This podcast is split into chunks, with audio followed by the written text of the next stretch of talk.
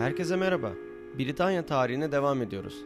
Kısaca hatırlatmam gerekirse bir önceki bölümde Roma İmparatorluğu'nun İmparator Claudius döneminde Britanya işgalini anlatarak başlamış, hem adadaki işgal döneminden hem de genel hatlarıyla Roma tarihinden bahsetmiştik. Roma İmparatorluğu'nun Batı Avrupa'daki egemenliğini kaybetmesi ve başkenti Konstantinopol olan bir devlete evrilmesiyle Batı Avrupa'da birçok bağımsız krallık ortaya çıkmıştı ve bu dönemde İngiltere'de de Roma egemenliği sona ermişti. Adanın yerel halkı Britonda denilen Kelt topluluklarının başarısız iktidar dönemlerinden sonra adada iktidarı Avrupa'dan gelen Germenik kökenli Anglo-Sakson topluluklar ele geçirdi. İşte bu bölümde Anglo-Saksonların iktidar dönemini ve Vikinglerin saldırılarını konuşacağız. Aranızda History Channel'ın hazırladığı Netflix'te yayınlanan Vikingler dizisini izleyenleriniz var mı? İzlemesi keyifli, heyecanlı bir diziydi. İzlemediyseniz tavsiye ediyorum. Viking efsaneleri sagalarına dayanarak Ragnar Lodbrok ve çocuklarının İngiltere istilasını izlemiştik. Bu bölümü size daha iyi anlatabilmem için bu diziyi unutmanız gerekiyor. Dönemi resmetmesi ve genel çerçevede bir fikir vermesi için harika bir diziydi. Çoğu karakter ve olay doğruydu ama birbirinden 100 sene farklı zamanlarda yaşamış karakterleri aynı dönem içinde göstermek gibi tarihsel tutarsızlıklar da içeriyordu. Ve dediğim gibi sagalara yani efsanelere dayanıyordu. Önce Anglo-Saksonların istilasıyla başlayalım birazdan Vikinglere geleceğim. 400'lü yılların İngiltere'si hakkında yazılmış çok fazla kaynak bulunmuyor. Hatta daha eskide kalan Roma dönemi için çok daha fazla kaynağımız olduğunu söyleyebilirim. Daha çok arkeolojik buluntularla dönem hakkında fikir üretebiliyoruz. Fransa ve Almanya taraflarından gelen Anglo-Sakson savaşçıların ilk bulguları Roma döneminde paralı asker olarak hizmet ettikleri ama esas kabilelerin göçlerinin 400'lü yıllarda başladığını gösteriyor. Roma sonrası güç boşluğundan yararlanarak kalabalık sayılarda yerleşmeye ve yerleştikleri bölgelerde yerel yönetimlerini kurmaya başladılar. Aella, Serdik, Sinrik gibi adı günümüze gelmiş liderleri vardı. Bu Anglo-Sakson istilasına karşı Britonların liderliğini yapan ve Mons Botanicus denilen yerde efsanevi bir savaş gerçekleştiren, gerçekliği efsanelere karışan Britonların lideri Kral Arthur vardı. Tarihsel olarak gerçekten böyle biri olup olmadığı kanıtlanamasa da Kral Arthur İngiliz milli gururunun önemli bir parçası ola gelmiştir. Daha doğrusu etnik olarak sınıflandırırsak Galler Kelt halkının. İngiliz dediğimiz kimlik Anglo-Sakson Germen ve daha sonra Norse dediğimiz Vikingli ve sonra da Norman dediğimiz Fransa'dan gelen Vikinglerin karışımıdır. Bu yüzden zaten bugün İngiltere'ye giderseniz bazıları kendine British, bazıları English der. Çünkü aslında gerçek Britanyalılar siyasi olarak altta kalmış Galler ve İskoçlar türü denilebilir. Tabii ki onların da safkan iddiasında bulunamayız. Gerçi tüm dünya üzerinde kontrol sağlamış Britanya İmparatorluğu açısından bakarsak Britanyalı kimliği de sanki politik bir kavram olarak yönetici İngiliz sınıfına da ait olmuştur. Bu yüzden de İrlandalılar ve İskoçlar bağımsızlık konusunu tartışmaktadırlar. Konumuza dönecek olursak, Kral Arthur'un Saksonları durdurması sadece 50 sene gibi bir zaman kazandırmıştı. 500'lü yılların sonunda istila büyümüştü ve İngiltere'de Doğu İngiltere Krallığı, Doğu Sakson Krallığı, Mercianlar Krallığı, Northumbrian Krallığı gibi krallıklar kurulmuştu. Yerel halk geri çekilmişti. Kuzeybatı yakasında Dalriada Krallığını kurmuşlardı. Bu krallık sonra İskoçya Krallığı olacaktı. Ayrıca İngiltere'nin kuzeyinde küçük Britanyalı krallıklar vardı ama uzun süre yaşayamayacaklardı. Batı kıyısında Galler halen Britanyalılara aitti. Aynı Game of Thrones dizisindeki gibi adada bir sürü krallık vardı. Tek bir İngiltere krallığı yoktu. Roma'nın adadaki son dönemlerinde Hristiyanlık yayılmaya başlamıştı. Britanyalılar da Hristiyan olmuştu. Anglo-Saksonlar pagandı ama onlar da yavaş yavaş Hristiyanlığı benimsiyordu. 600'lü yıllarda Anglo-Saksonlar şehir hayatına alışmışlar. Bazıları halen pagan, bazıları Hristiyandı ve krallıklarını kurmuşlardı. Kent, Sussex bölgesinde Güney Sakson, Wessex bölgesinde Batı Sakson, Doğu kıyısında East Anglia, Essex'te Doğu Sakson, orta kısımda Mercia ve Northumbria krallıkları vardı. Bu krallıklar da birbirleriyle rekabet halindeydiler ve birbirleriyle savaşıyorlardı. Hristiyanlık ve pagan olmak arasındaki içsel rekabeti ve savaşçı karakterlerini anlamak için o dönem yazılmış Beowulf şiiri önemli bir örnek. Hayali canavarlara karşı savaşan Beowulf, eski Germenik pagan gelenekleri temsil ederken canavarlar bu yeni geldikleri ülkede karşılaştıkları zorluklar ve yeni bir din gibi farklı hayat tarzlarını resmetmekteydi. Kent bölgesinin kralı, Kral Hetelbert'in karısı Frank ve Hristiyandı. Bu yüzden Papa Büyük Gregory Kent bölgesine bir misyoner gönderdi ve 601 yılında İngiltere'nin ilk kilisesi Canterbury'de kuruldu. Hemen bir bilgi, bu kilise Roma Kilisesi olarak kuruldu ama son 500 yıldır Roma'ya bağlı olmayan Anglikan İngiliz Kilisesi'ni temsil ediyor ve bugün de en yüksek mevkideki kilise İngiltere'de. Bu kilisenin başpiskoposu kral veya kraliçeye taç giydirir. Ve kraliçe 2. Elizabeth'in cenazesini izlediyseniz bu başpiskopos cenaze törenini gerçekleştirmişti. Kurumsal olarak Hristiyanlık da böylece 601 yılında İngiltere'de başlamıştı. Keltler zaten Hristiyan olmuşlardı demiştim. Keltlerin de yerel Anglo-Sakson nüfusu etkilemesi ve onları Hristiyanlıkla tanıştırması bu resmi misyoner faaliyetlerinden çok daha etkili ve hızlı ilerlemişti. 500'lü yıllarda St. Patrick'in çabalarıyla İrlanda zaten Hristiyandı ve, ve bu Hristiyanlık dalgası İskoçya'yı ve İskoçya'dan Kuzey İngiltere krallıklarını etkilemeye başlamıştı. Her 17 Mart'ta bugün de İrlandalılar St. Patrick günü kutlaması yapmaktadırlar.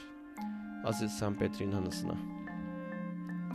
700'lü yıllarda artık toplum kaynaşmış ve bir İngiliz kimliği ortaya çıkmıştı. Halen tek bir İngiliz krallığı yoktu. Mercia krallığı çok güçlenmişti. Küçük krallıklar üzerine hakimiyet kurmuştu ve Kral Offa kendisine İngilizlerin kralı ünvanı vermişti. King of the English. O dönem Kutsal Roma Germen İmparatorluğu'nun kurucusu Charlemagne, Kral Offa'ya mektup göndermiş ve kendisine sevgili kardeşim diye hitap ediyordu. İki ülke arasında ticari ilişkiler kurulmuştu ama Mercia krallığının etkisi uzun sürmeyecekti ve Kral Offa sonrası gelen Kral Kenfulf Kent ve Sussex bölgelerinin kontrolünü sağlamaya devam etse de Batı Saksonlardan Wessex kralı Egbert 825 yılında Mercia'ya karşı, karşı kazandığı savaş ile Kent, Essex, Surrey ve Sussex'i içeren önemli İngiliz şehirlerinin kontrolünü ele geçirdi. Sadece 4 sene sonra Mercia Wessex'in kontrolüne girmişti ve Northumbria'da Wessex'in üstünlüğünü kabul etmişti. Ama tüm bu gelişmeler yaşanırken Britanya tarihinde o sene yazılmış kronikler sürpriz bir düşmanın gelişine haber vermekteydi. Danimarka'dan ilk Viking gemileri gelmişti. İlk yağma saldırılarını yapmışlardı. Ve kısa bir zaman sonra bu Viking saldırıları her sene artarak büyümeye başlayacaktı. İrlanda, İskoçya, Galler ve Cornwall taraflarına Norveçliler, İngiltere tarafına ve Fransa'nın batı kısımlarına Danimarkalılar geliyordu. Aslında kendilerine Viking dememekteydiler. Viking ismi Avrupalıların bu deniz aşırı korsanlık faaliyeti ve yağma seferleri düzenleyen Kuzeyli pagan topluluklara verdikleri bir isimdi ve sadece resmedildiği gibi barbar değil, ticari ilişkilerde bulunan da topluluklardı. Esas Büyük Danimarka ordusu 865 senesinde Ivor the Boneless ve Halfdan liderliğinde İngiltere'nin doğu kısmına ayak bastı. Viking dizisinin hayranları Ragnar'ın oğlu Ivor'u hatırlayacaklardır. Bu ordu York şehrini ele geçirir. Northumbria kralını öldürürler ve bu toprakları ele geçirirler. Sonra East Anglia topraklarını ele geçirirler ve bölgenin kralı Edmund törensel bir ayinle idam edilir. Bir ağaca bağlanmış, yüzlerce ok ile vurulduktan sonra kafası uçurulmuştur. Viking ordusunun hedefinde bölgenin en güçlü krallığı Wessex vardır. O sıralarda Egbert ölmüş, yerine oğlu Ethelwulf geçmiştir. Kısa süre sonra onun büyük oğlu Ethelred geçer. Ethelred ve kardeşi Alfred başarılı bir savunma yaparlar ama hemen ardından Vikingler bir kez daha saldırır ve İngilizler tutunamaz. Ethelred ölmüştür ve tahta Alfred çıkar. Tarihe Büyük Alfred olarak geçecektir. Son savunma savaşını kazanarak Wessex'in yok olmasına engel olmuştur. İlk kez Alfred, England ülkesinden bahseder ve bu savaşı İngiltere için yaptığını söylemiştir. Hatta bir Vikingli lider bu savaştan sonra Hristiyan olacaktır. Savaş sonrası Vikinglerle yapılan anlaşma uyarınca Vikingler Wessex'e saldırmayacaklar ama daha önce ele geçirdikleri doğu yakasında kendilerine ait bir bölgeyi Danelaw adıyla yöneteceklerdir. 6 sene sonra Alfred daha önce kaybedilen Londra'yı 886'da geri alır. 893'te başka bir Viking istilacı ordusu daha gelmiştir ama Wessex'e saldırmaya cesaret edememiştir. Alfred hem ordusunu hem donanmasını geliştirmiş ve güçlendirmişti. Şehirlerine koruyucu duvarlar inşa etmiş, savunma kaleleri inşa etmişti. Vikingler tüm bu geçen yıllarda yaptıkları saldırılarda yüzlerce manastır yok etmiş, şehirlere zarar vermiş ve kendi bölgelerinde kendi yönetim biçimlerini uygulamaya koymuştu. Sonraki yüzyılda bu bölge İngiltere tarafından geri alındığında dahi çok uzun süre sisteme entegre olmasına zorluk yaşanacaktı.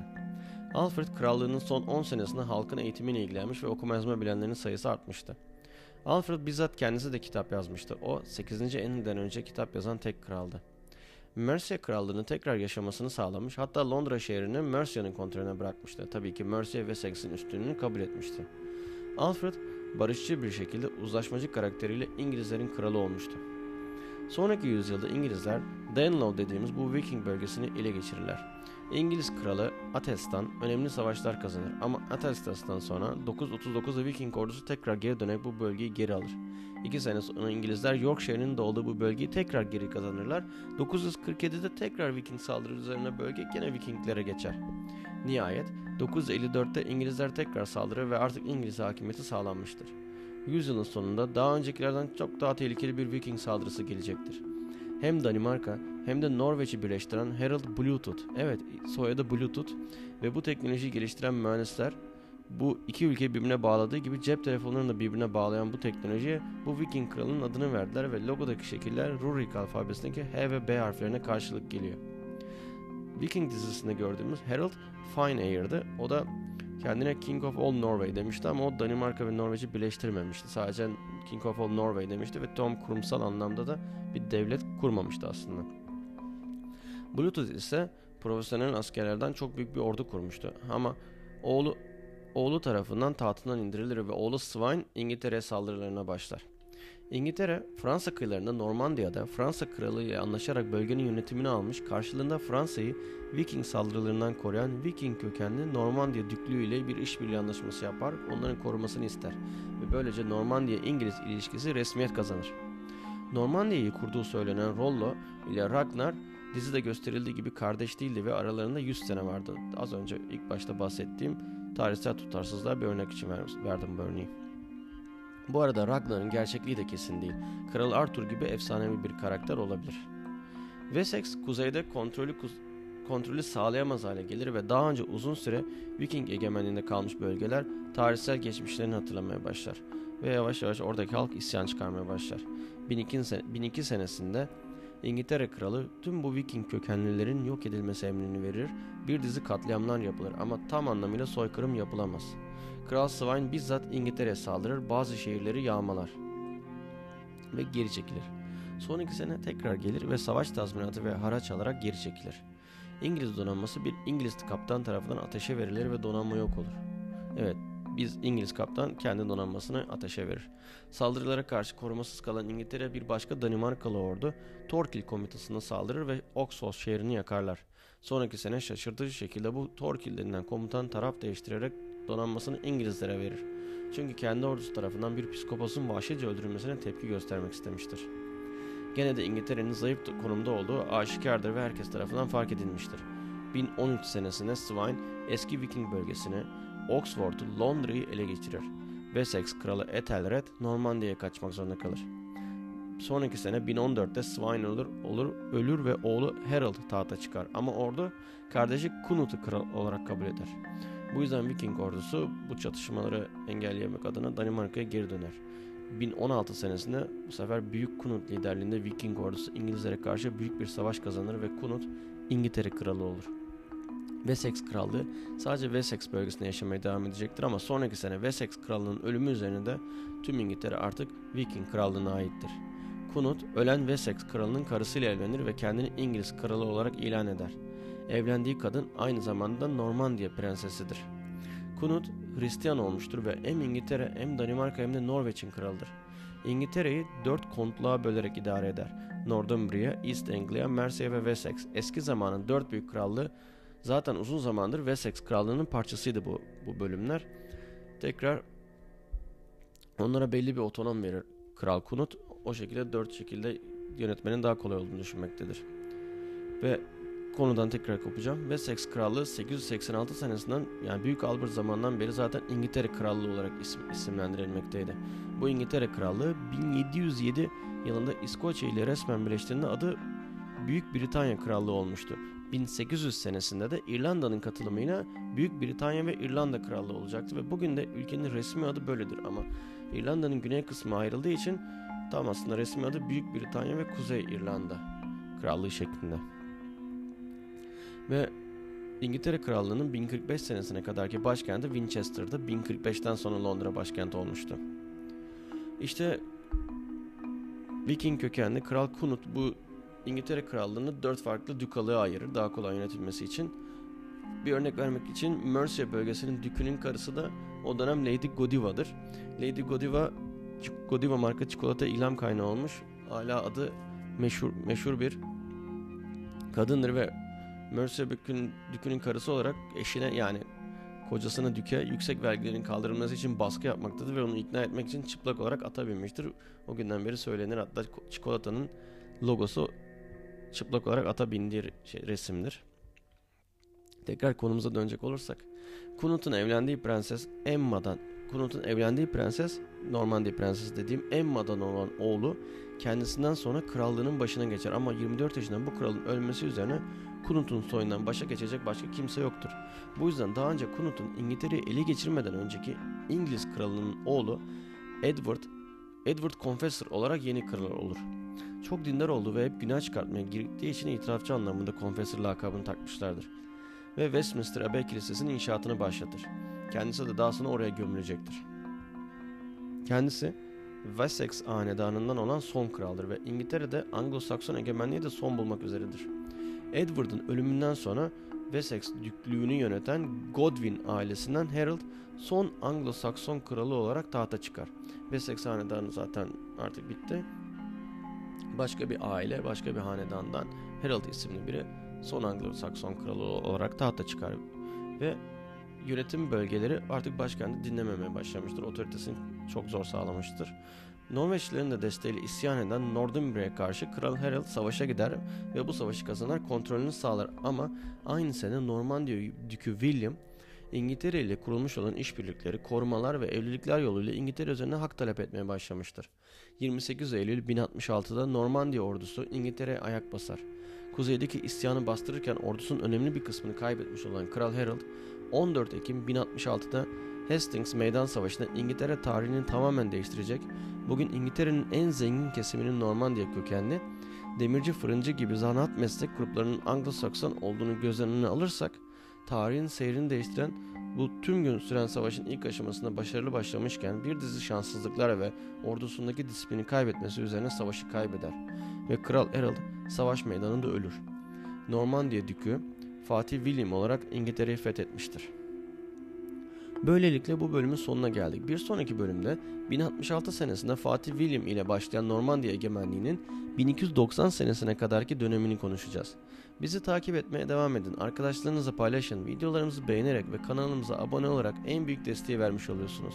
Şimdiden destekleriniz için teşekkür ediyorum.